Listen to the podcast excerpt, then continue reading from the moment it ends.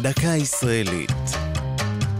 השבוע, בנימין זאב הרצל, לציון 70 שנה להעלאת עצמותיו לארץ.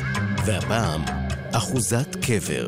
במערב ירושלים, בגובה 834 מטרים מעל פני הים, ניצב לו הר הרצל.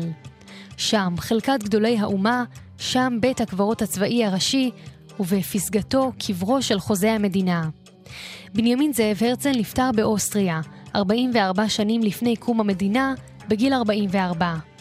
בצוואתו הורה, רצוני להיקבר בארון מתכת, באחוזת הקבר ליד אבי, לשכב שם עד שהעם היהודי יעביר את גופי לארץ ישראל.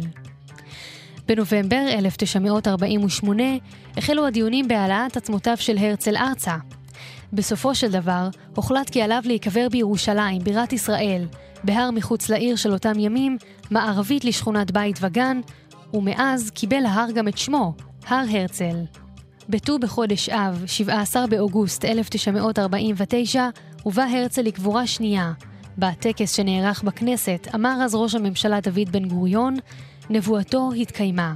לא תהלוכת אבל תהיה הלוויית עצמות הרצל לירושלים, אלא מסע ניצחון, ניצחון החזון שהיה למציאות.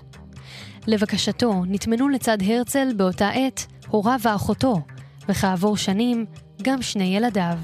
זו הייתה דקה ישראלית על בנימין זאב הרצל ואחוזת קבר, כתבה נועה צינמן, ייעוץ דפנה הרן, עורך ליאור פרידמן.